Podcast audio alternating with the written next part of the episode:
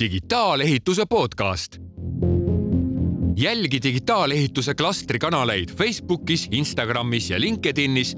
liitu uudiskirjaga aadressil www.digitaalehitus.ee projekti toetab Ettevõtluse Arendamise Sihtasutus Euroopa Regionaalarengu Fondi vahenditest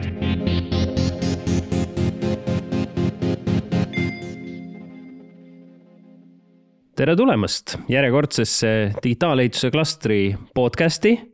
ja see on juba seerias teine podcast, nii et me võime tõesti nimetada ennast juba päris podcast'ide seeriaks, sest meil on rohkem kui üks ja kui me eelmises podcast'is lahkasime seda, et mis asi see digitaalehitus üldse on, siis täna me võib-olla nendele sihukestele basic asjadele enam ei keskendu, vaid läheme samme edasi mina olen muide Jaan Saar, äh, Majandus- ja Kommunikatsiooniministeeriumis digitaalehituse valdkonna juht ja minul on au seda podcast'i siin äh, vedada, aga õnneks ma ei ole siin üksi, siin on teisi inimesi ka. ja kui me eelmine kord arutasime siin peamiselt äh, klastri enda juhtkonna liikmetega, meil oli siin Hele-Mai, Tiit ja Kaie, siis ähm, täna keskendume mitte erasektori vaatele vaid just nimelt riigisektori poole. ja stuudios on meil siin äh, Pärnu maanteel äh, väga mõnus paneel. Äh, minu kõrval siin on Regina, Ivo ja Jüri. ja ma hea meelega annaks neile kõigile võimaluse ennast siin ükshaaval natuke tutvustada ja alustakski minu paremal käel istuvast äh, Reginast. räägi, kes sa oled ja, ja miks sa siin meie stuudios oled? tervist, Regina Viljasaar-Frenzel, MKM-is äh, ehituse e-hüppe toetusprogrammi juht. väga tore. Äh, lähme siis edasi, teisel pool lauda on kaks härrasmeest. alustame siis Jürist. tere kõigile, mina olen Jüri Rass. ma olen samuti Majandus-Kommunikatsiooniministeeriumist ehituse ekspert, aga ma võin ennast aeg-ajalt kõrvust tõsta ja öelda, et ma olen endine ehituse asekantsler ja kuna sa rõhutasid, et sa oled endine ehituse asekantsler, siis meil on õnneks ka praegune ehituse asekantsler äh, Ivo, räägi endast ka paar sõna. tere, tõepoolest, ma olen siis Jüri ametialane järeltulija, ehituse ase, asekantsler olnud äh, juba üle poole aasta, et väga palju on tehtud, aga veel rohkem on ees ehk siis äh, nagu kuulsite, meil on siin väga lugupeetav äh, seltskond äh, stuudiosse, oleme suutnud ühe tunnikese nende kõigi päevast näpata, et siis rääkida teile, mida riik teeb siis digitaalehituse valdkonnas. Ja võib-olla natuke laiemalt ka, et kuidas see on seotud üldse ehitusprotsessidega ja, ja mis, mis rolli nagu riik selles protsessis üldse mängib aga täna on meil kolmteist aprill, kui me seda salvestame ja siin on äh, palju põnevaid arenguid äh, riigi tasemel toimunud. meil on uus valitsus, meil on uus koalitsioonilepe ja seal on päris palju asju, mis nagu mõjutavad ka meie tööd siin Majandus- ja Kommunikatsiooniministeeriumis äh, võiks isegi öelda, et võib-olla varsti enam seda Majandus-Kommunikatsiooniministeeriumi sellisel kujul ei ole. aga ega me täpselt ei tea, millal see saade muidugi eetrisse läheb, võib-olla selleks ajaks on juba kõik selge, uued ministeeriumid, äh, uued inimesed uued juhid äh, ja nii edasi, aga, aga Ivo, äh, äkki korra kommenteerid seda, et mis see seis praegu on, et kindlasti paljud tunnevad huvi, et mis sellest MKM-ist saab? esiteks, mis tänaseks on teada, on koalitsioonileppe sisu ja väga hea on näha, et koalitsioonileppes teadvustatakse ruumiloomet kui valdkonda. seal on palju ülesandeid, mis uus koalitsioon on endale võtnud, uus valitsus.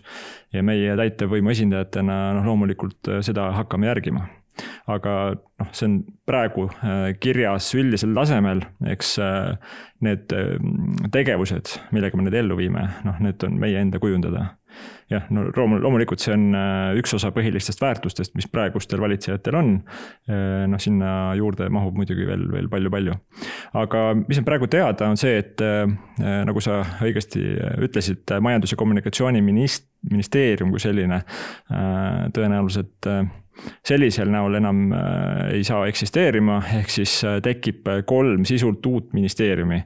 majandus- ja IT-ministeerium, kliimaministeerium ja regionaalministeerium ja, ja see, kuhu satub nüüd ruumiloome kui selline, on veel täpsustamisel ministrid peavad selles kokku leppima, leidma parima lahenduse.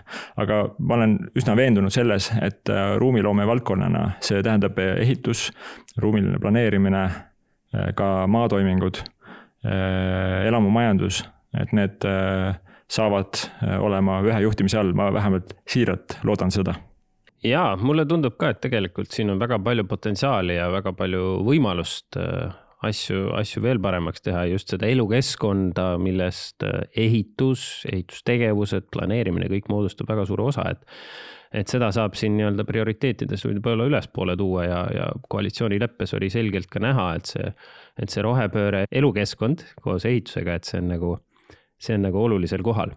aga okei okay,, selle küsimuse saime kiirelt lahendatud, et päevakajalised teemad äh, võib-olla korraks äh, saame nüüd riiulile tagasi panna mis võib-olla kõige rohkem siin äh, põletavad äh, meie enda kolleegide seas ja, ja võib-olla ka siin sektoris, kes, kes teavad seda seltskonda siin Jüri, Ivot ja Reginat ja mind.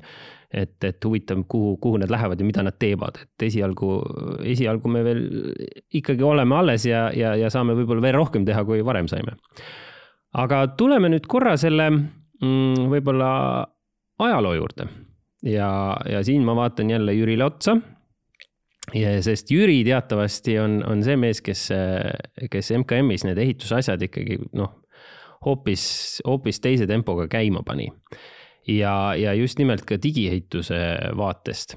et räägi, Jüri, natuke sellest, et kui sina nüüd äh, MKM-i tulid, mis seis oli äh, digiehitusega siis ja, ja mis see, mis see sinu jaoks nagu tähendas, et, et see digiehituse areng riigi poolt äh, võiks nagu äh, kiiremad tuurid sisse võtta? ma seda kohe ütlen, et, et kõike seda on teinud meeskond. ja sama palju, kui mina olen seda asja ajanud, on minu kõrval olev Ivo ajanud et äh, koos oleme neid asju vedanud, seda asja üles ehitanud, Jaan, sina täpselt samamoodi. Taavi oleks või võiks ka siin istuda. et see on kõva-kõva meeskonnatöö olnud ja, ja üksi neid kõiki asju välja mõelda oleks raske olnud, hästi palju inimesi on ju pannud siia oma mõtet juurde, kuidas seda asja kõik üles, üles ehitada, nii et nii et see, see, see sõna või noh, see kohe niimoodi ära toonitatud, aga, aga me tulime ju ehitusregistrit parandama. see oli see meie esimene asi, et ehitusregister tuli ümber teha. selleks äh, tuli moodustada meeskond. Äh, Taavi Jakobson sai tööle võetud. Taavi oli see inimene, kes, kes lõi nüüd oma meeskonna, omad ideed. me ju panime tõsi oli nüüd küll see, et kui ma tulin esimestel päevadel, siis mul oli praktiliselt võiks öelda valge paberis nina ees, et ma hakkasin mõtlema, mis siis tuleb teha, see on nüüd küll, eks ju. ega ma Ivot ka nii hästi veel ei tundnud. aga, aga esim-, üks esimene, üks esimesi asju, mis sai käima pandud, oli just see klassifitseerimissüsteem ehituse klassifitseerimissüsteem, sest ma arvasin, et see on kõige pikaajalisem värk, et see tuleb alguses kohe käima panna. ja järgmine asi, mis me koos tegime, oli, oli e-ehituse visioon või strateegia, kuidas me seda nimetame, kus me esimese piika hakkasime siis omavahel murdma, üks sai ühtemoodi aru, teine teistmoodi aru. aga hea oli, et oli konsultant, kes meie noh, erinevad mõtted või suun, suunad üheks ajas ja, ja, ja kirja pani. et sealt alates on kõik läinud. ja ma küll olen ju, kõik teavad, et eraettevõtja taustaga inimene, eks ju, et ma väga mm, ei arva, et see oleks hea, kui, kui palju inimesi meil töötab. aga mõnes mõttes on see ka märgilise tähtsusega, et kui ma tulin, siis meid oli kuskil kaksteist inimest juba, eks ju. ja, ja nüüd on, nüüd on meie meeskond, hästi võimekas meeskond, ma ütlen, on kasvanud ligi kolmekümneseks ja kui me nüüd, Ivo rääkis edasi meie plaanidest, Jaan, või jah, Jaan, sina ka, eks ju, et, et me ei tea, mis meist edasi saab, ma arvan, et see meie kokku kujundatud meeskond, lisades siia planeeringute, planeerijate seltskonna, et see peaks olema nüüd küll saama nii palju jõudu, et kõik need asjad, mis me oleme siin välja mõt-, mõt-, mõelnud ja plaaninud ja unistanud, hakatagi nüüd ellu viima. et üks parimaid momente mina küll seda noh, ei ole lootnud, et, et me siiamaani jõudsime mm. -hmm no hea juhina sa muidugi äh, kiidad, kiidad teisi ja alahindad oma nii-öelda panust ja väärtust, aga, aga kindlasti ma arvan, et Jüri, sina olid ikkagi üks, kes seda asja nagu ikka tõsiselt vedama hakkas ja enne, enne sind ju seda ehituse asekantsleri kohta ei olnudki. ei olnud jah enne mind jah ja, ja nüüd siis, nüüd siis on juba meil teine ehituse asekantsler ja Ivo, sa tahtsid lisada siia, ma nägin. ma sõbralikult tögan Jüri, et ta jättis kõige olulisema asja nimetamata. see koostöö, mis äh, sektoriga pihta hakkas, kui Jüri tuli. et äh, noh, see, see muutis kardinaalselt äh, ministeeriumi senist elu. Et enam me ei räägi ammu sellest enam, et mingisugused, mingisugused paberid oleksid kabinetis sündinud. me teeme kõike koos, ma isegi käsitleks tiimina seda laiemat kogukonda. Meie ehitusplaneerimise, kinnisvara, arhitektuuri ja nii edasi ja nii edasi valdkondades. Et tänu sellele me oleme noh, teinud õigeid samme, et kui me oleks teinud neid ise oma peast lähtudes, siis me tõenäoliselt liiguksime vales suunas. et äh, väljendus äh, see näiteks ehituse pikas vaates, mis äh, tänaseks on korralik strateegiline dokument, me järjepidevalt seirame seda, tuleme kokku sektoriga ehitusvaldkonna arengukomisjonide näol. Kord poole aasta jooksul kõigil on näha, millest me oleme rääkinud, need protokollid on avalikult veebis üleval. Ja, ja, ja me suhtleme, arutame, leiame uusi lahendusi ja, ja noh, selliste heade partneritega saab teha väga suuri asju. eks me seda koostööteemat saame veel pärastpoole ka arutada ja, ja, ja võib-olla natuke pikemalt ja noh, ka see näitab koostööd, et me oleme digitaalehituse klastri ehk siis erasektori sihukese organisatsiooni poolt äh, ellu kutsutud podcast'is äh, kõik siin riigi inimesed rõõmsalt koos istume laua taga, et et, et ka see on juba märk sellest eh, heast koostööst. aga tuleme ikkagi selle digi, digipoole peale äh, tagasi ja, ja, ja võtame natuke fookust just sellele, et et ähm, miks siis üldse riik peaks sekkuma ähm, sektori asjadesse, et noh, digiehitus, et see tegelikult ju on, on nagu ettevõtete teha, et mis vahendeid nad kasutavad, kuidas nad teevad, mida nad teevad Äh, tellijad maksavad selle eest ja nii edasi, et, äh, et Jüri, et ütle, miks sinu nägemuses, äh, kui sa tulid siia MKM-i, sa vist ikkagi tundsid, et riik peab sekkuma, aga miks?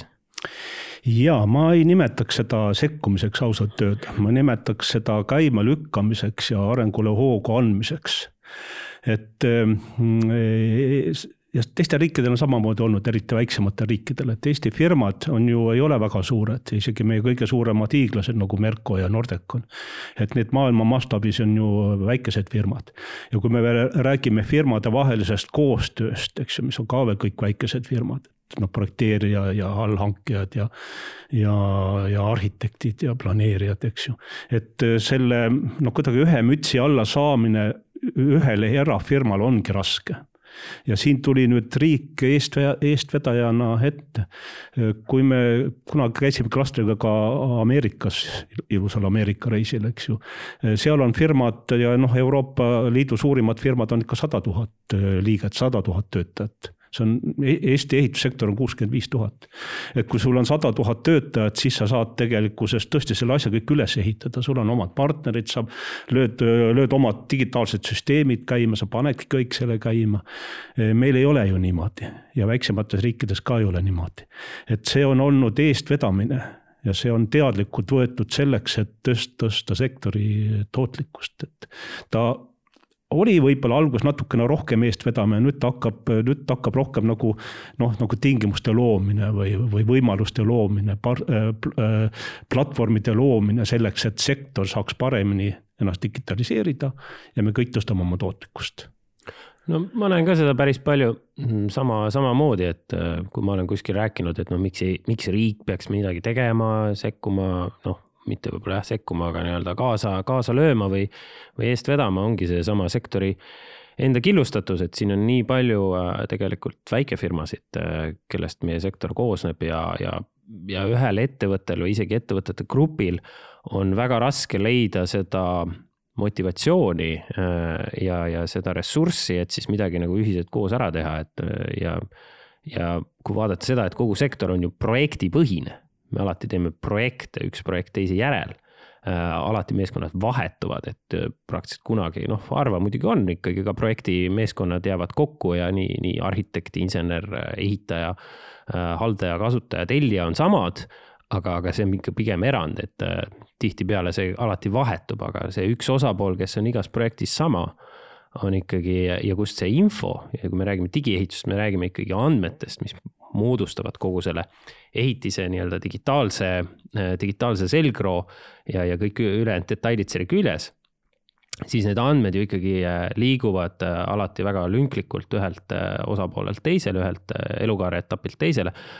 aga riik, kas kohaliku omavalitsuse või keskvalitsuse näol on alati üks osapool seal igas projektis ja, ja saab siis nii-öelda võtta selle juhtiva rolli, et seda, seda andmete liikumist äh, ja haldamist natuke süstematiseerida ja noh, see on see klassifitseerimissüsteem esiteks, mis sa rääkisid, Jüri.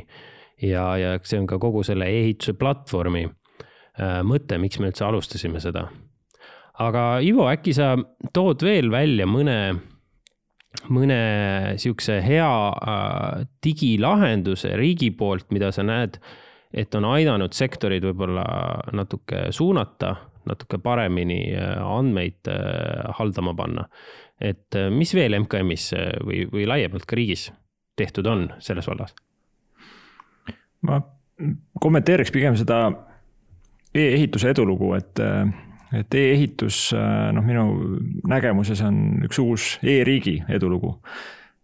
ja kui me vaatame e-riigi ajalukku, siis noh, see ei ole seda, et digitaliseerimine digitaliseerimise pärast et, et seal taga on alati mingisuguse sektori transformatsioon. võtame e-panganduse, äh, digiallkirjastamise, digiloo e, e-parkimine, kasvõi ükskõik e, e-valimised. et kõik on mingisuguse valdkonna totaalselt teistsuguseks muutnud, palju kasutajasõbralikumaks, äh, tõhusamaks. ja, ja ehituses me lihtsalt oleme jõudnud sellise paratamatu olukorra juurde, kus äh, meil selles valdkonnas on ka vaja teha väga suuri muutusi. ja me seda, kusjuures viis aastat tagasi, kui me alustasime, ega me seda nii hästi ette ei näinud, me nägime, et midagi on muutumas, midagi, mingid raputused toimuvad. ja, ja, ja ühesõnaga tehnoloogia areneb. aga see, et tänaseks äh, noh, räägime näiteks nullheitega hoonetest, mis peavad siin juba paari aasta pärast äh, kerkima hakkama. ma ei tea, elektriauto laadimistaristust igale poole Äh, hoonete massilisest renoveerimisest, äh, elektriraudteedest, kõigest kõigest, et et see, see, kuidas me ehitusvaldkonda mõtestame ja mõistame, on totaalselt muutumas. ja ilma noh, andmepõhiste otsustega me seda põhimõtteliselt teha ei saaks. et me peame lähtuma printsiibist üheksa korda mõõda, üks kord lõika, jah, see mõõtmine peab toimuma nüüd kiiresti läbi simulatsioonide, läbi erinevate noh, arvutuste ja, ja sellise teadmispõhise lähenemise. aga, aga need suured eh, muutused eeldavad, et see asi toimuks eh, kiiresti ja nii, et me ei teeks pärast vigu ehitusplatsil või, või tehases või kus iganes. et ja isegi ehitusplatsi kultuur on muutumas, et, et meil üha rohkem ehitust liigub tehasesse mm. -hmm ja digilahendused siis aitavad kõigele sellele kaasa või on selle eelduseks isegi võiks öelda või?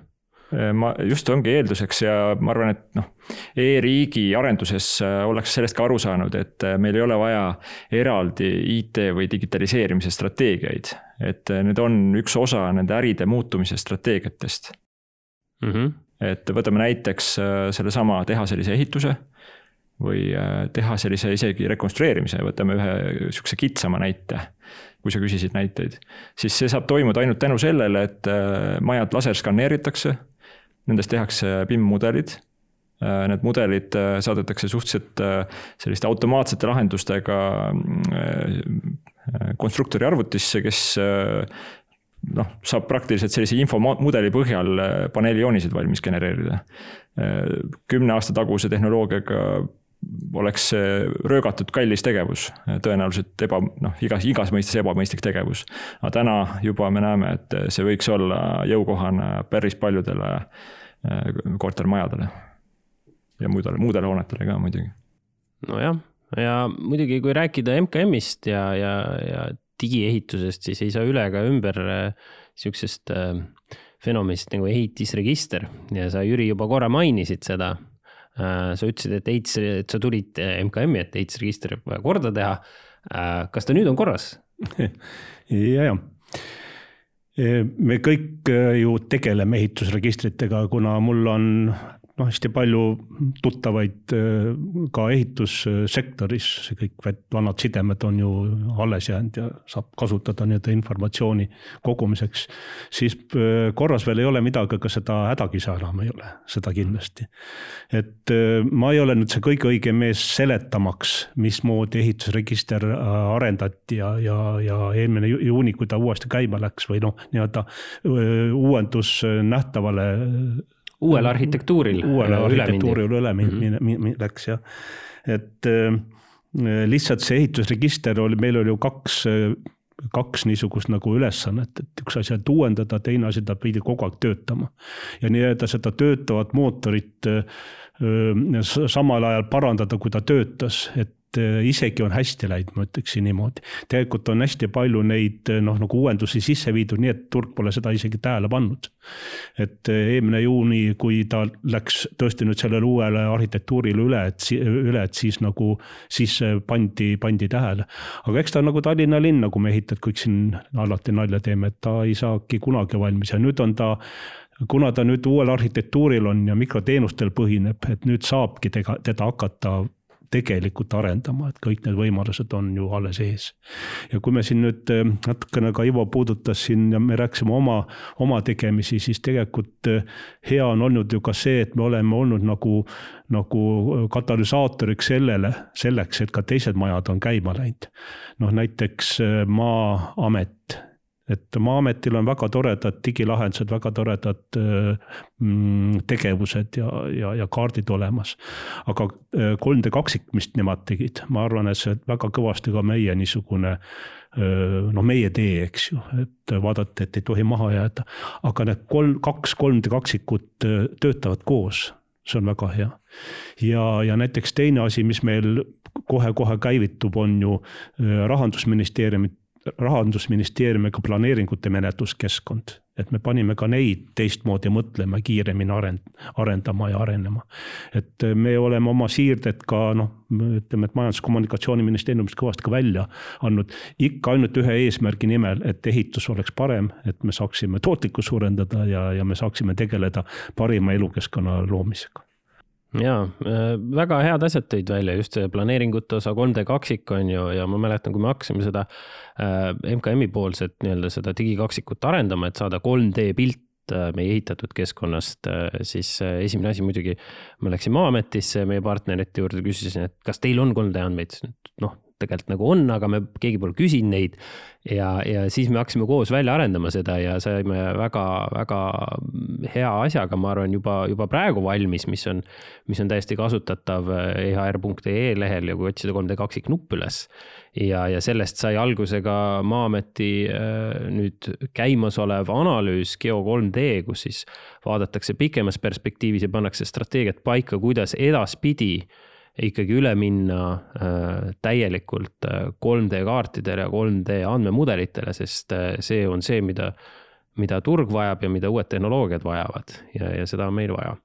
aga, aga okei okay,, me oleme natuke siin võib-olla jäänud heietama nende, nende riigi, riigi lahenduste ja riigi rolli osas ja, ja täiesti unarusse jätnud minu kõrval istuva Regina kes tegelikult ei, ei, ei otseselt ei arenda ühtegi riigi, teenust kui sellist, aga, aga tegeleb öö, mõnes mõttes isegi võib-olla veel põnevama asjaga, mis on siis jällegi tuleb sinna tagasi koostöö juurde. räägi natuke lähemalt, Regina, mida sa siin ministeeriumis teed ja mis asi see e-hüpe on?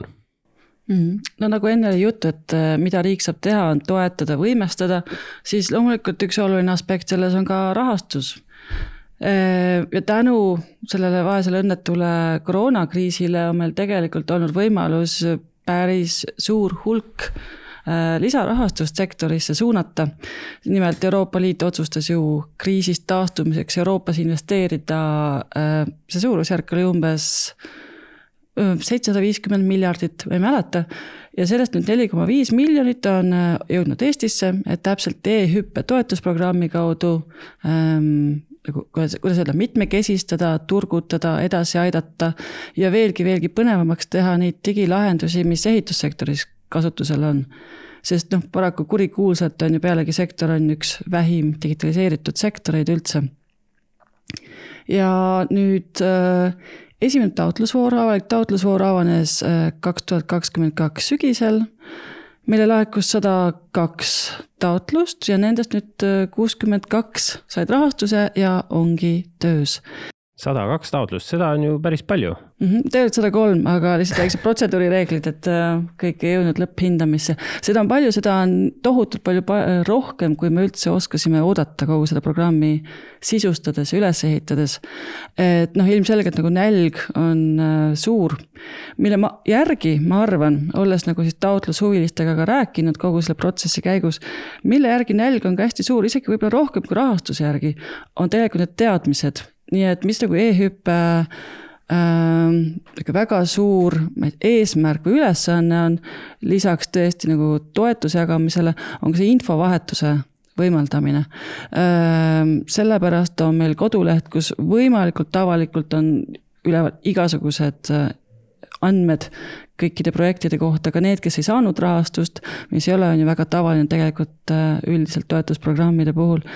kogukonnaüritused, et äh, jagada infot äh, selle kohta, mida üldse saab teha, kui me räägime ehitussektori digitaliseerimisest, mille peale üldse mõelda nii et ma ei arva, et paljud peaksid tulema nüüd äh,, hakkama taotlust kirjutama ja seda siiski bürokraatia teed ette võtma. aga rääkida jah, et mis suunad üldse nagu võtta arvesse, kui, kui oma ettevõtet või kohalikku omavalitsust ähm, nagu majandada. saad sa tuua mõned näited sellest, et milliseid äh milliseid äh, taotlusi siis needsamad ettevõtted esitasid, millised need projektid olid, mida, mida sektor teha tahab äh, digitaliseerimise valdkonnas, ehituses ja ehitus, ehitusvaldkonnas mm? -hmm. no laias laastus see, mida me toetasime, mis tegevused, oli kas rakendusarendus või siis juba olemasolevate rakenduste sisseostmine ja juurutamine. sest noh, nagu siin korduvalt on mainitud, et sektor on väga killustunud ja need nii-öelda paigad või, või asukohad, kus erinevad osapooled oma arengus või tegemistes on ongi väga erinevad, et kellel mis abi siis on vaja, kes teevad juba ulmelahendusi ja kes äh, tahaksid lihtsalt tuge selleks, et oma igapäevases elus rohkem PIM-i juurutada, siis mõlemad suunad toetust said ja hästi huvitaval kombel nad jagunesid suht pooleks, need taotlused nagu äh, mõlema selle tegevussuuna peale. ja, ja ka toetused lõpuks, nii nagu sai otsustatud, kuigi see ei olnud eesmärk äh, nagu mõlemat äh, tegevust siis võrdselt turgutada. Äh, pean ütlema, mul on rohkem isiklikult nagu haakimist olnud või meeles on need projektid, mis sidusid seda reaalmaailma äh, ja digitooteid. et loomulikult oli väga palju ettevõtteid, kes täpselt saidki tuge selleks, et osta mingi äh, viimase peal tarkvara, et siis oma sisemisi tööprotsesse paremaks teha ja andmevahetust. aga ma välja tooks näiteks hoopis äh, Eesti Kunstiakadeemia, kes arendab konfiguraatorit, millega paneelhoonetele lisada mitte lihtsalt soojustuspaneele, vaid paneele, millel on erinevad funktsioonid äh, liikumiseks, toidu kasvatamiseks, äh, ma ei tea, loomadele, lindudele. selline siis algoritm meeles on hästi näiteks tipperauto, kes digitaliseerib oma teedeehituses kasutatavat ekskavaatorit, et see töö oleks veelgi täpsem ja tõhusam.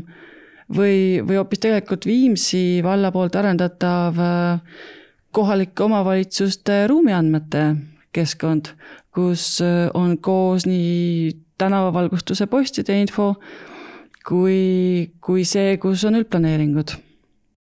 Väga, väga põnev selles mõttes, et äh, ja, ja no, nagu sa ütlesid, neid taotlusi tegelikult oli üle saja, on ju, ja kõik see info äh, on ju veebilehel ka üleval, et ehüpe.eehitus.ee, et otsige Google'ist e-hüpe või, ja e-ehitus ja ma arvan, et leiate, leiate üles mm. -hmm. ja kui mainimiseks, et, et kogukonna üritused, siis üks selline on just tulemas ja kõiksugused salvestused nii varasematest kui tulevastest üritustest on ka seal üleval, ikka just selle avalikustamise, info levitamise seisukohast.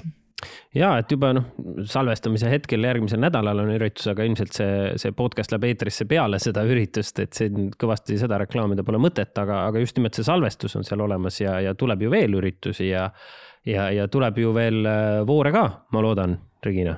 tuleb voor, tuleb vähemalt üks voor ja meie siin laua ümber kõik tegeleme sellega, et, et tuleks veel ja veel neid voore ja et selles mõttes, kui keegi äh, tahab meile õudselt äh, raha pakkuda selle äh, toetusmeetme läbiviitmi-, pikendamiseks, siis aga palun, võtke meiega ühendust, me võtame lahkelt, lahkelt vastu selle, selle lisarahastuse mm. -hmm. sest noh, nagu öeldud, on ju kogu selle toetusprogrammi maht on esialgselt on neli koma viis miljonit et see, et huvi oli nii suur, need üle saja taotluse, siis kaks koma kuus miljonit sai ju kohe välja jagatud. Äh, see ei olnud see, kuidas me olime asja planeerinud. et tuleb nii palju häid ja tugevaid taotlusi. ja ei, see oli minu jaoks ka suur üllatus, et mina mõtlesin, noh, sihuke kaks, kolmkümmend taotlust oleks maru hea, kui saaks, et, et suurem hirm oli, et see, see ei lähe käima ja pole aega, viitsimist ettevõtetel ja organisatsioonidel mingisuguse digiehituse toetusprogrammiga üldse jamada aga võta näpust. eks muidugi see on äh, suur, äh, suur kiitus ka sinu tööle, Regina, et, et see, et see nii ellu sai viidud ja, ja ma tean, olles näinud kõrvalt, kui palju kui palju bürokraatiat tegelikult selle kogu asja taga on, et sihuke toetusprogramm ja meede käima saada, siis, ähm, siis, äh, siis ma arvan, see tulemus on väga-väga muljetavaldav. ja muidugi, ega seda toetusprogrammi ju me päris nagu nullist välja ei mõelnud, me ikka natuke kopeerisime ja varastasime seda, mida soomlased olid teinud oma Kiradigi äh, programmis, on ju nii? ja, ja, ja kopeeritud on neilt ka, mis mulle väga-väga meeldis, et sealne vedaja Teemu Lehtinen äh, rääkis radikaalsest avalikustamisest seejuures, et nende sada kakskümmend kolm projekti, kui ma nüüd õigesti mäletan äh,, mis kaks tuhat kuusteist vist lõppes nende programm et täpselt samamoodi kõik on veebis üleval ja, ja üritusi toimus järjest ja järjest. Mm, kuigi nende lihtsalt fookus oli ähm, natukene teistsugune kui meil siin Eestis, et nad otsisid rohkem neid päris eksperimentaalprojekte. et meil tuli juurde ka see ähm,, ma ei tea, kuidas öelda, üldine toetamine või äh, ühtlustamine, äkki oleks see sõna just selle tarkvara soetamise, toetamise osas.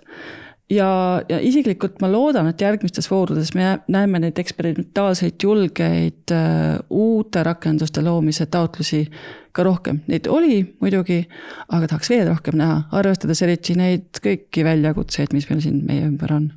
ja, ja just nimelt ja, ja ka e-ehituse platvorm on see koht, kuhu me tahame ju meelitada neid samu teenuseid, et kus meil on riigiteenused, meil on äh, ehitusloa menetlused, meil on seal äh, võrgurajatiste andmebaas äh, või meil tuleb planeeringumenetlused on ju sinnasamma keskkonda ja, ja, ja samale platvormile, et aga see ei ole ainult riigiteenuste platvorm, see ongi avatud platvorm, et me tahame sinna tuua, tuua ka erasektori teenuseid, juba esimesed on, on hakanud sinna vaikselt tulema näiteks 3D kaksikule me lõime mm, võimaluse lisada kolmanda osapoolte äh, andmekihte, äh, selle vastu näiteks huvi suurelt üles Hades Geodes ja 3DI näiteks, kes väga agaralt kohe liitusid meie nii-öelda arendustega ja tahtsid proovida ja katsetada ja, ja esimese teenusena meie API-de loetelus on, on Rexplorer, kes äh, pakub siis teenust äh, päikesepaneelide paigutamiseks äh, hoonele ja kasutab muuseas ka, ka samuti nii, nii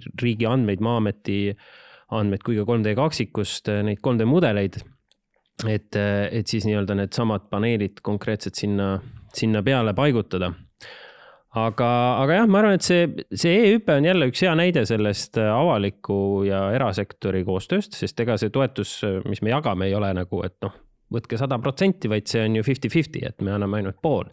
et seesama taotleja peab ju teise poole leidma, aga, aga võib-olla siis räägime nüüd edasi natuke veel nendest, sellest koostööst, mida me juba alustasime siin veidi saate alguses. aga Jüri, äkki omalt poolt oskad äh, välja tuua veel mõned siuksed äh, huvitavad koostööpunktid või mida sina siin äh, viimase viie aasta jooksul oled näinud, et kuidas see koostöö on arenenud just riigi ja erasektori vahel? ja ma ise mõtlesin ka natukene selle peale, et asi ei puuduta ainult digitaliseerimist ja see digitaliseerimine on tegelikult ju vahend selleks, et me paremini töötaksime ja info paremini liiguks. et selle aja jooksul on Ivo hästi äh, tõi välja, et meie koostöö äh, erasektori ja kõikide meie erialaliitudega, sealhulgas ka meie armsa digitaalehituse klastriga, äh, on olnud ju suurepärane ja, ja hea ja, ja see tagabki selle, et me viime ellu asju, mis on sektoril vaja, me olemegi nagu pidanud oma kliendiks ehitussektorit, ehitussektoris töötavaid inimesi. ka kohaliku omavalitsuse inimesi, kes tegelevad ehitussektoriga. et nende nimel me ju kõiki neid asju teemegi. aga laiemalt võttes tõesti näiteks, näiteks koostöö mõttes seesama ehituse pikk vaade, et sealt tulenevad seitse suurt sammu. sektoriga koos allakirjutamine nende elluviimiseks. Ivo mainis korra seda, aga ma veel annan ka lisainfi, et tore on vaadata, et seda ehituse pikka vaadet, ta on nagu laiali läinud, teda kasutatakse. näiteks erasektor Rohetiigri näol pani ju kokku ehituse teekaardi ehituse teekaart kaks tuhat nelikümmend, mis on küll suunatud CO2 kokkuhoiule. aga väga paljud viiteid, väga palju mõtteid, väga palju asju on tulnud ka ehituse pikast vaatest. et tegelikult see on niisugune nagu ühine, ühine teema, mida me, mida me arendame aga kas need kuidagi konflikti ei lähe, et noh, et on ehituse pikk vaade, siis see rohetiiger tuli oma mingisuguse vaatega, et äh, kui palju meil neid vaateid on, et igaüks vaatab juba, juba sellest hakkab pihta, eks ju, et äh, alati sa pead, äh, kui sa midagi arendad, sa pead Eh, vastama kolmele küsimusele, eks ju. miks, kuidas ja, ja mida. et need vastavad erinevatele küsimustele, et ehituse pikk vaade rääkis, kuidas me peame tegema. aga Rohetiiger räägib, mida me peame tegema ja meie arengukava, mis me ka planeerime siin, eh, elukeskkonna arengukava nagu riigipoolset tuge siis eh, erasektori teekaardile, see on ju ka, mida me teeme. ja, ja miks me teeme parim elukeskkond või Eesti, Eesti riigil on strateegia Eesti kaks tuhat kolmkümmend viis on välja töötatud. ühe asja veel nimetaksin, me toime tõesti ka sektori liikmed ühise laua taha läbi nende konverentside et see konverents, mis nüüd hakkab olema, on, sa Jaan ise mäletad paremini, kas nüüd viies või. ja äh, ma räägin siis konverentsist ehitus kaks tuhat kakskümmend kolm näiteks, mis nüüd tekkima ja tulema no, hakkab. see, mis see aasta tuleb, on ehitus kaks tuhat kakskümmend neli pluss, et meil on alati nagu üks aasta edasi. et tulevikku äh, vaadata. ja tulevikku vaadata, eks, eks, eks see nime ja, ja see brändi teema on, on, on nagu ta on, et äh, natuke segadust tekitav. aga ega me ei arvanud, et see sihukeseks edukaks seeriaks saab jälle.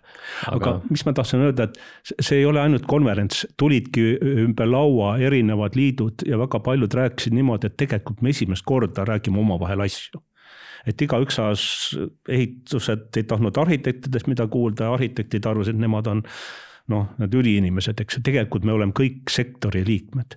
ja, ja hakatigi rääkima, hakatigi lävima rohkem ja, ja tehaksegi ühiseid konverentse ja tore on see, et, et need konverentsidel on oma teema, et need on teemad, mis on parajasti meil olulised.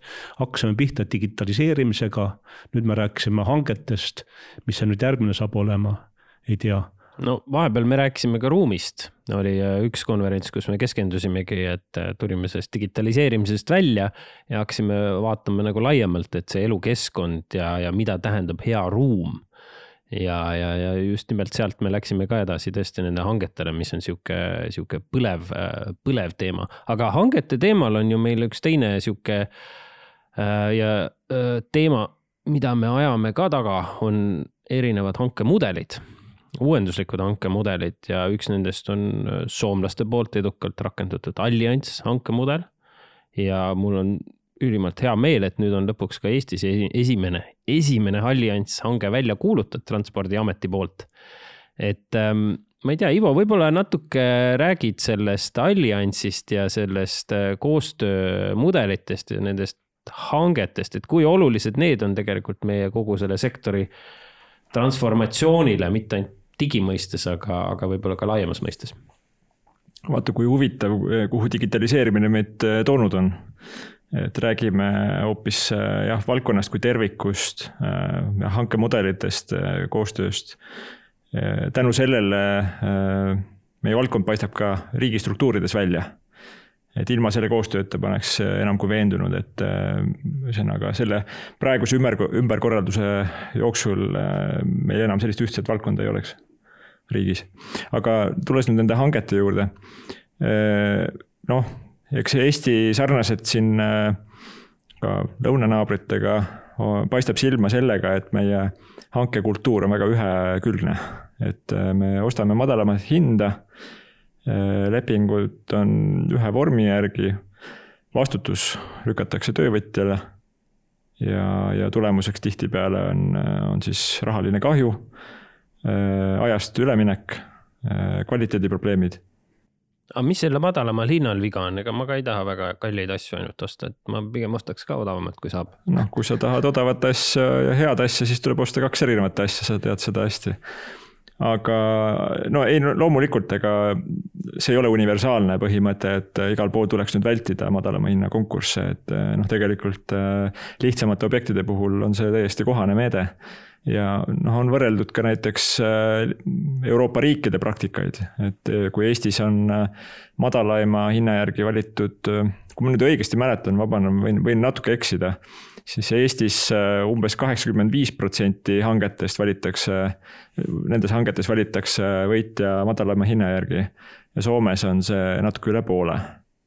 et äh, paneb mõtlema, aga kui tuleme nüüd äh, konkreetse Tallinna hangete juurde, kuhu sa tahtsid mind ilmselt suunata mm. -hmm et äh, siin on hästi tore näha tõesti, et Transpordiamet on esimese sellise hanke avalikustanud äh,, käima löönud ja huvilisi on veel. Äh, see on julge samm, äh, alati iga uus asi, nagu te teate, on äh, riskidega seotud. ja noh, suured rahad, suured riskid, kümme miljonit eurot, Pärnu sild. Et ma olen täitsa veendunud, et see tehakse hästi ära ja, ja seal on just hästi palju pühendumust ja, ja noh, tahetakse tõesti, noh, entusiastlik tiim on seal taga. sealhulgas konsult-, konsultandid noh, Soomest ja Soome kogemusega, kes on varem neid asju teinud juba üle kümne aasta. et äh, selliste keeruliste objektide puhul on äh, allianss hange noh, praktiliselt vältimatu. Äh, aga ma ei jääks noh ainult allianss hangete juurde, et see spekter on väga lai. väga lihtsate objektide puhul jah, on madalama hinnahange ja lihtsad lepingud lahendus.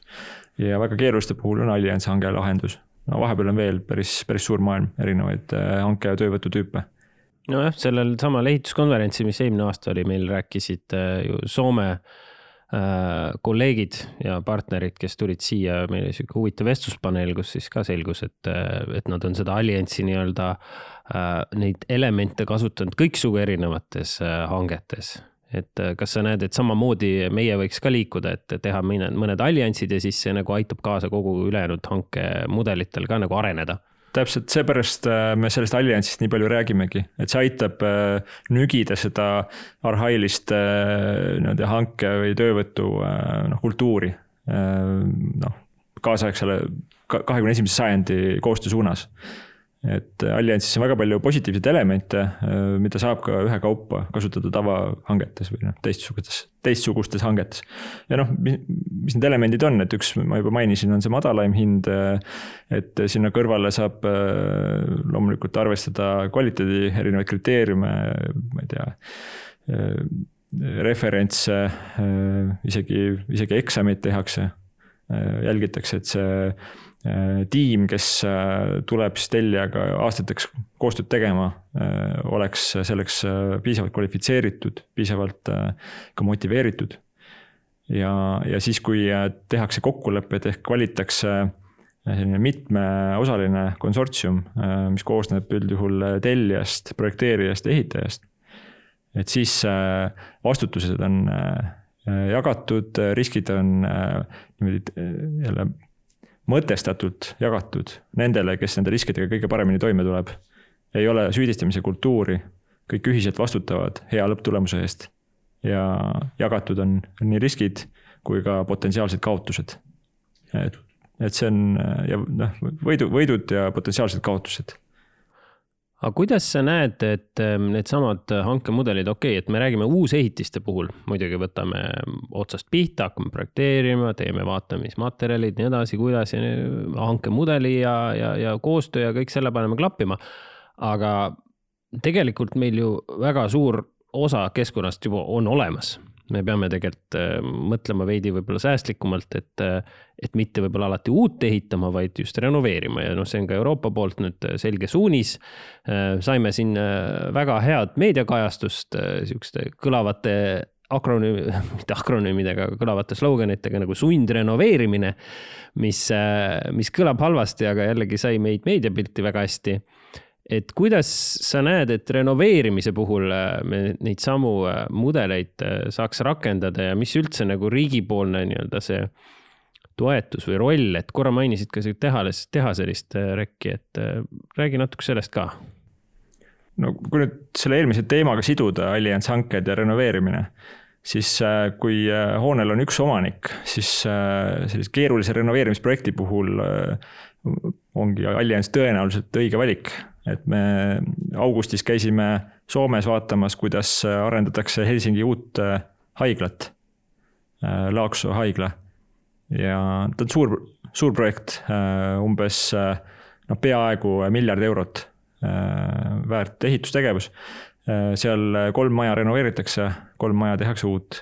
noh, kõige rohkem probleeme, keerukusi seisneb just nende renoveeritavate majadega. et noh, seal võib nii palju ootamatusi esile kerkida ja, ja kasutatakse allianssi. aga äh, noh, keerukus äh, meil Eestis äh, noh, näiteks kortermajade renoveerimisel, mis, mis on väga suur noh, võimalus energiasäästu parandada Eestis ja üldse elukeskkonda parandada. et siin see keerukus seisneb selles, et majadel on palju-palju omanikke ja, ja eks nüüd tuleb häid lahendusi leida, tegelikult ma näen küll, et, et sellest alliansist võiks häid ideid noppida aeg-ajalt on seda ka tehtud. Eh, noh, näiteks eh, sellesama tehaselise rekonstrueerimise puhul eh, KredEx võttis juhtivama rolli, valis välja nii ehitusettevõtted kui ka korteriühistud. noh, tagamõte oli see, et üks ehitaja saaks endale mitu samatüübilist maja, et kui tehases on liin, siis seal liinil võiks äh, olla tööd mitme-mitme kuu jagu, et mitte ainult, äh, mitte ainult ühe maja jagu, millest siis piisaks võib-olla kuu aja, ajaliseks tootmiseks ja, ja mis ei stimuleeri äh, tootmise efektiivistamist või mingite uute lahenduste väljatöötamist.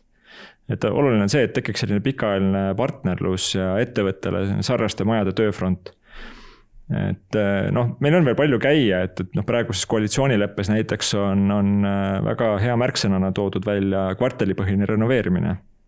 siin on väljakutseks see, et lisaks sellele, et meil on kortermajades väga palju väga erinevaid omanikke, eh, siis kui me vaatame kvartalit kui tervikut, seal on ka veel teistsuguseid omanikke, et on näiteks, ma ei tea, mõne ärihoone omanikud, kus on veel omaette üürnikud sees on kohalik omavalitsus oma maaga, teetaristu, tänavataristu, tihtipeale ka kortermajade vaheline maa-ala.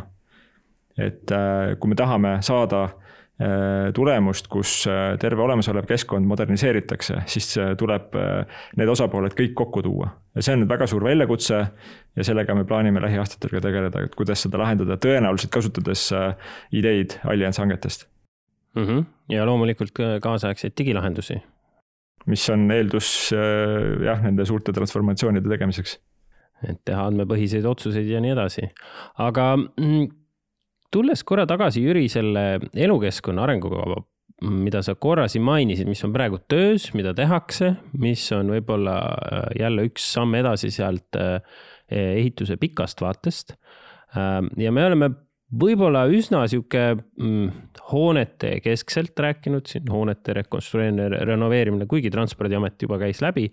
aga mis roll on nagu äh, just nimelt teedel taristul kogu selle elukeskkonna arengukava kontekstis? jah, see elukeskkonna arengukava oli ju ehituse pika vaate praktiliselt esimene punkt, et selleks, et tootlikkust tõsta, me peaksime pikemalt ette vaatama kõike, mis me tegema hakkame. ja, ja seda me praegu nad nagu arengukava veel ei koosta, me teeme eelanalüüsi selleks, et seda, seda siis koostada. arengukavasi lükkab käima Vabariigi Valitsus, ja võtab ka vastu Vabariigi Valitsus, et praegu on eeltöö selleks, et ära põhjendada, miks seda, miks seda vaja on. arengukava olulisus on tegelikkuses minu mõistes see, et ta on otseselt seotud riigieelarvega et äh, riigieelarve, kui me äh, koostame seda või kui me teeme oma ettepanekud, me peame rääkima programmidest, läbi mis programmi me rahasid tahame saada. ja, ja mm, programmid on otseselt seotud nüüd tulemusvaldkondade arengukavadega, et kui nüüd vaadata praegust tere ehk tegevuspõhise riigieelarve struktuuri, siis seal puudub niisugune asi nagu plokk, mis, mis räägiks meie mida me tegelikult teemegi. et nagu sa rääkisid siin elukeskkond, transport energeetika, no hea küll, transport, energeetika eraldi on olemas, nad ei ole nagu seotud ühte sihukese heasse kogusse, et kõik on koos läbi mõeldud. transpordi ja, ja infra tähtsus on jah, väga, väga suur ja arengukava nüüd peakski vastama siis küsimusele, et mida täpselt me teeme, see peakski viima ka pikaajaliste investeeringute plaanideni. et me ei planeeri enam raha nelja aasta takka või ausalt öelda, me planeerime raha aasta takka et see on väga-väga halb äh, praktika. et me planeeriksime asju üle kümne aasta, et oleks ette juba teada, mis tuleb teha. siis on võimalik ka kontratsükliliselt midagi teha, me saame riiulitest välja võtta ideid, mis on juba läbi mõõdud, et mis järjekorras võiks olla. et kui majandus hakkab langema, siis pannakse majandusele, riik paneb äh, projekte juurde ja kui majandus hakkab üle kuumenema, siis riik tõmbab ennast jälle tagasi, lükkab need sahtlitest natuke kaugemale et see, see, selle arengukava mõte on ja kui me nüüd räägime situatsioonist, mis praegu kohe tekib ja võib-olla, et kui see saade, ma ei tea, eetrisse läheb või kus ta läheb raadiosse või televisiooni või kuhugi kõrgele, eks ju. et on juba teada, siis tegelikult need ümberkorraldused, mis riigis seekord on tehtud, on hästi kardinaalsed, just mis puudutab elukeskkonda. ja meie seltskond vaatab sellele tegelikult väga positiivselt mm. -hmm. et sealt on oodata võib-olla sihukest uut hingamist äh, nii, nii ehitusvaldkonnale kui ka laiemalt siis nii-öelda elukeskkonna ja ruumi arengule meie ühiskonnas. jah, need, need märksõnad nagu äh, ruum ja kvaliteetne ruum ja elukeskkond, need on tõusnud nüüd küll hästi kõrgele. ja seda on rõõm kuulata no eks need väljakutsed on muidugi väga suured, mis sa mainisid, et peab mõtlema pikemalt kui üks valimisperiood ja, ja kümme aastat, et äh, see ei ole lihtne ülesanne. tead, see ei ole lihtne, aga näiteks kui me vaatame nii mõndagi asja Soome poole, eks ju, kasvõi needsamad allianshanked, eks ju. seal on see asi käima pandud, et vaadatakse pikalt ette ja miskit pole teha, nende asjad on paremini korraldatud äh, kui meil, aga, aga liigume sinna, sinna suunas sa muidugi väga osavalt suunasid mu küsimuse hoopis äh, teisesse, teis, teise nii-öelda rööpasse aga ma siis äh, hoopis pööran pea paremale ja küsin Reginalt äh, sellesama nii-öelda ruumi äh, suhestumisest ja hoonete ja, ja, ja taristu ja teede ja siis nii-öelda hoonete vahele jääva ala suhtes. et kas e-hüppe programmis oli ka näha, et, et just nii-öelda ka taristu pool justkui tuleb kaasa või oli seal ikkagi sihuke keskendumine rohkem hoonete ehitusele, projekteerimisele? Et kui palju seda taristut seal e-hüppes äh, nagu silma paistis? Äh, vähe, mõned näited olid, jah aga võiks rohkem olla, on ju? absoluutselt võiks rohkem olla. huvitaval kombel, mida oli kõige rohkem, oli just taotlused äh, erinevatelt inseneribüroodelt, aga ikkagi hoonete kontekstis, mitte teede, teede projekteerijad näiteks aga, aga teades sinu tausta, siis sa oled sellesama temaatikaga juba nagu laiemalt ka rohkem tegelenud ja otsapidi ka, ka tegeled seal äh, sihukeste põnevate asjade nagu standardiseerimine ja, ja, ja linnatänavate standard vist oli see, mille, mille ümber või tegem-, noh, mitte ümbertegemist, uuendamist praegu vist äh, arutatakse, et äh, räägi paari sõnaga, mis seal toimub või kuhu need tuuled nagu puhuvad mm,. kui traditsiooniliselt on jah, linnatänavate standard, seda puudutavad küsimused olnud MKM-i transpordiosakonnas, siis nüüd äh, selle aasta algusest saati on see samuti meie siin täna kõne all olevas ehituse elamuosakonnas ja kuhu iganes me liigume, see tuleb siis meie minuga kaasa. ja protsess on tõesti alanud, et uuendada dokumenti, mis seni on käibel olnud linnatänavate standardi nime all, kuid uus nimi, millest me juba omavahel tema, temast räägime, on tänavaruumi standard. et muuta seda pilku ja seda ka käsitlusala, millega me siis tegeleme, e, mitte lihtsalt tänavad, kui ikkagi kahjuks paraku ainult need transpordikoridorid, kust saab kiiresti, on ju, ühest kohast teise, vaid tänavaruum, kui see ongi see avalik ruum paljuski, no mis meil veel lisaks on, mõned väljakud ja ja mingi defineerimata majadevaheline ala, jah. aga tänavad on see peamine koht, kus me igapäevaselt ju tegutseme, liikleme ja elame inimestena.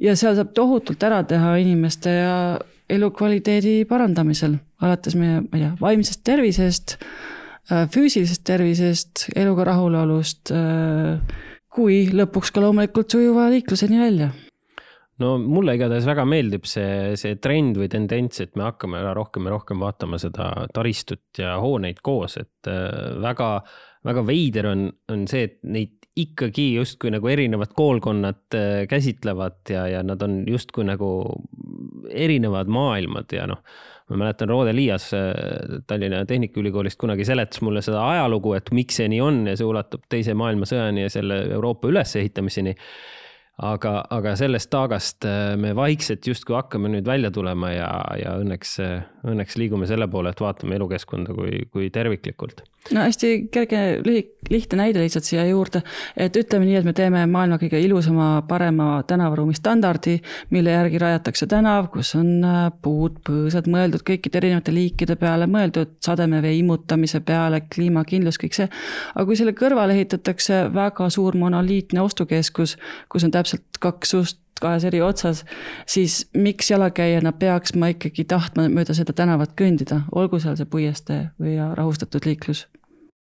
jah, ja eks, eks see ehituse platvorm, mida me MKM-is ka arendame, tema ampluaa ei piirdu no ainult hoonetes, ei piirdu tegelikult ainult ehitusega, me oleme rääkinud, et me ta, ta nimi on võib-olla natukene jälle eksitav, aga me räägime tegelikult ju kogu sellest eh, ehitise elukaarest, alates tema, tema planeerimisest, projekteerimisest, ehitamisest kuni, kuni renoveerimiseni, lammutamise, taaskasutuseni, mis eh, nii-öelda selle ringmajanduse eh, sõna all nüüd, nüüd kõik kokku võtab.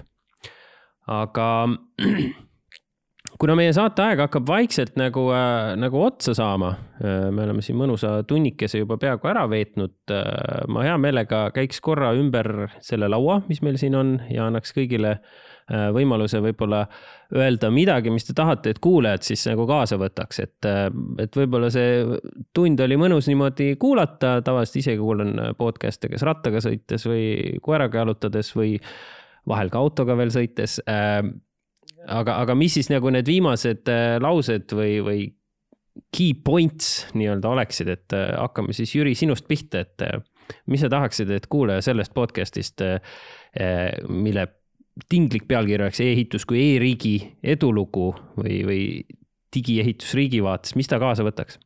No seome siis selle eelmise jutu nüüd tõesti digitaliseerimisega, et kas unistus on mul veel olemas. ja see oli kirjas ehituse pikas vaates. et ma tahaksin tõesti jõuda niisuguse asjani nagu ehitamise Eesti mudel. et kuidas, et see paistaks välja ka mujal maailmas, et kuidas tõesti Eestis ehitus käib. kuidas ta on digitaliseeritud, kuidas ta on modeliseeritud, kuidas on ta häid hanked kasutatud, kuidas koostöö käib, et see asi on tõesti kenasti üles ehitatud, et eestlased teevad niimoodi. ja praegu me ju kõik teame soomlasi ja rootslasi, kes on üle maailma noh, tuntud nagu ehitajatena ja, ja neid väga hinnatakse. et oleks, me jõuaksime ka kunagi sinna, et Eesti ehitusfirma mida me saame hästi turundada, nii-öelda ka riigina müüa. et äh, lähebki välisturgudele oma ehituse Eesti mudeliga, sest see süsteem on niimoodi välja töötatud mm. -hmm. ja see tähendab ka digitaliseerimist kindlasti, seal on hästi palju seda sees ehk siis sihuke ehituse teadmistepõhine eksport ja innovatsioon ja, ja digilahendused, mis sellega kaasas käivad. meil ei ole kunagi nii palju inimesi, et me oleme siin saja tuhande ehitajaga ehitame, me võime minna ühe-kahe inimesega, kelle peas on kõik need asjad olemas, kuidas see süsteem töötab mm. -hmm. et Eesti ehitus ei ole see Andrese ja Pearu kraavi kaevamine, et kuidas nad äh, ainult kaklevad omavahel no eks nad on vist ka juba vana, vanemaks saanud, ma arvan, et oskavad koostööd teha aitäh, Jüri, Ivo äh, Key takeaways. Äh, jätkates äh, Jüri sõnavõttu, siin saab reklaami teha meie järgmisele konverentsile Ehitus kaks tuhat kakskümmend neli pluss, kus me just nimelt räägime ehituse identiteedist ja koostööst sektoris. noh, juba mitmendat korda, aga sellest tulebki mitu korda rääkida. ja millest me täna rääkisime, ma arvan, et on äh, nimega twin transition või kaksikpööre. ja võib-olla tooks siia selle kolmanda momendi ka juurde, just seesama koostöö et, et meile, meie ehitusvaldkonnas on, on, on väga suur pööre toimumas. nii äh, digitaliseerimise näol kui ka noh, selle ringmajanduse või rohepöörde näol, kui ka parema koostöö näol. Väga hea. Äh,, igal juhul äh, pange oma kalendritesse kirja. Ehitus kaks tuhat kakskümmend neli pluss ja see on siis kakskümmend üheksa november sellel aastal, pange oma kalendrisse kirja, me pole veel seda suurt äh, kampaaniat alustanud. Äh, meil käib see organiseerimine, aga see on juba pikemat aega käinud. ja, ja see on väga hea äh, asi, mida kaasa võtta ja siis kuuleb rohkem sellest samast koostööst ja ehituse identiteedist ja seal on need kõik need osapooled koos. aga Regina, mis sina siis annaksid kuulajale kaasa, kes parajasti rattaga sõidab ja, ja väldib autosid ja oleks peaaegu just nüüd pihta saanud ja natuke häiritud sellest ja ei mäleta, mis viimased tund aega siin podcast'is räägiti. aga, aga mis te nüüd kaasa võtaksid? ma ütleks, ole ettevaatlik, palun, aga tegelikult ma tahtsin tunnustada ka kõiki neid kuulajaid siin, et täpselt, kes on andnud oma aega meid siin kuulamaks. et niikaua, kui on olemas see uudishimu ja, ja ühtlasi ka see soov äh, tahta paremat nii meie linnaruumist, tänavaruumist, äh, kui ka just mõeldes oma tööprotsesside peale, et millised tööriistad, olgu need siis digi või missugused, aitavad ikkagi nagu edendada igapäevaseid tegemisi, et niikaua lähebki, nii lähebki aina paremaks, tasapisi. ja kindlasti vaadake e-hüppe lehte e-hüpe.ehitus.ee on nii?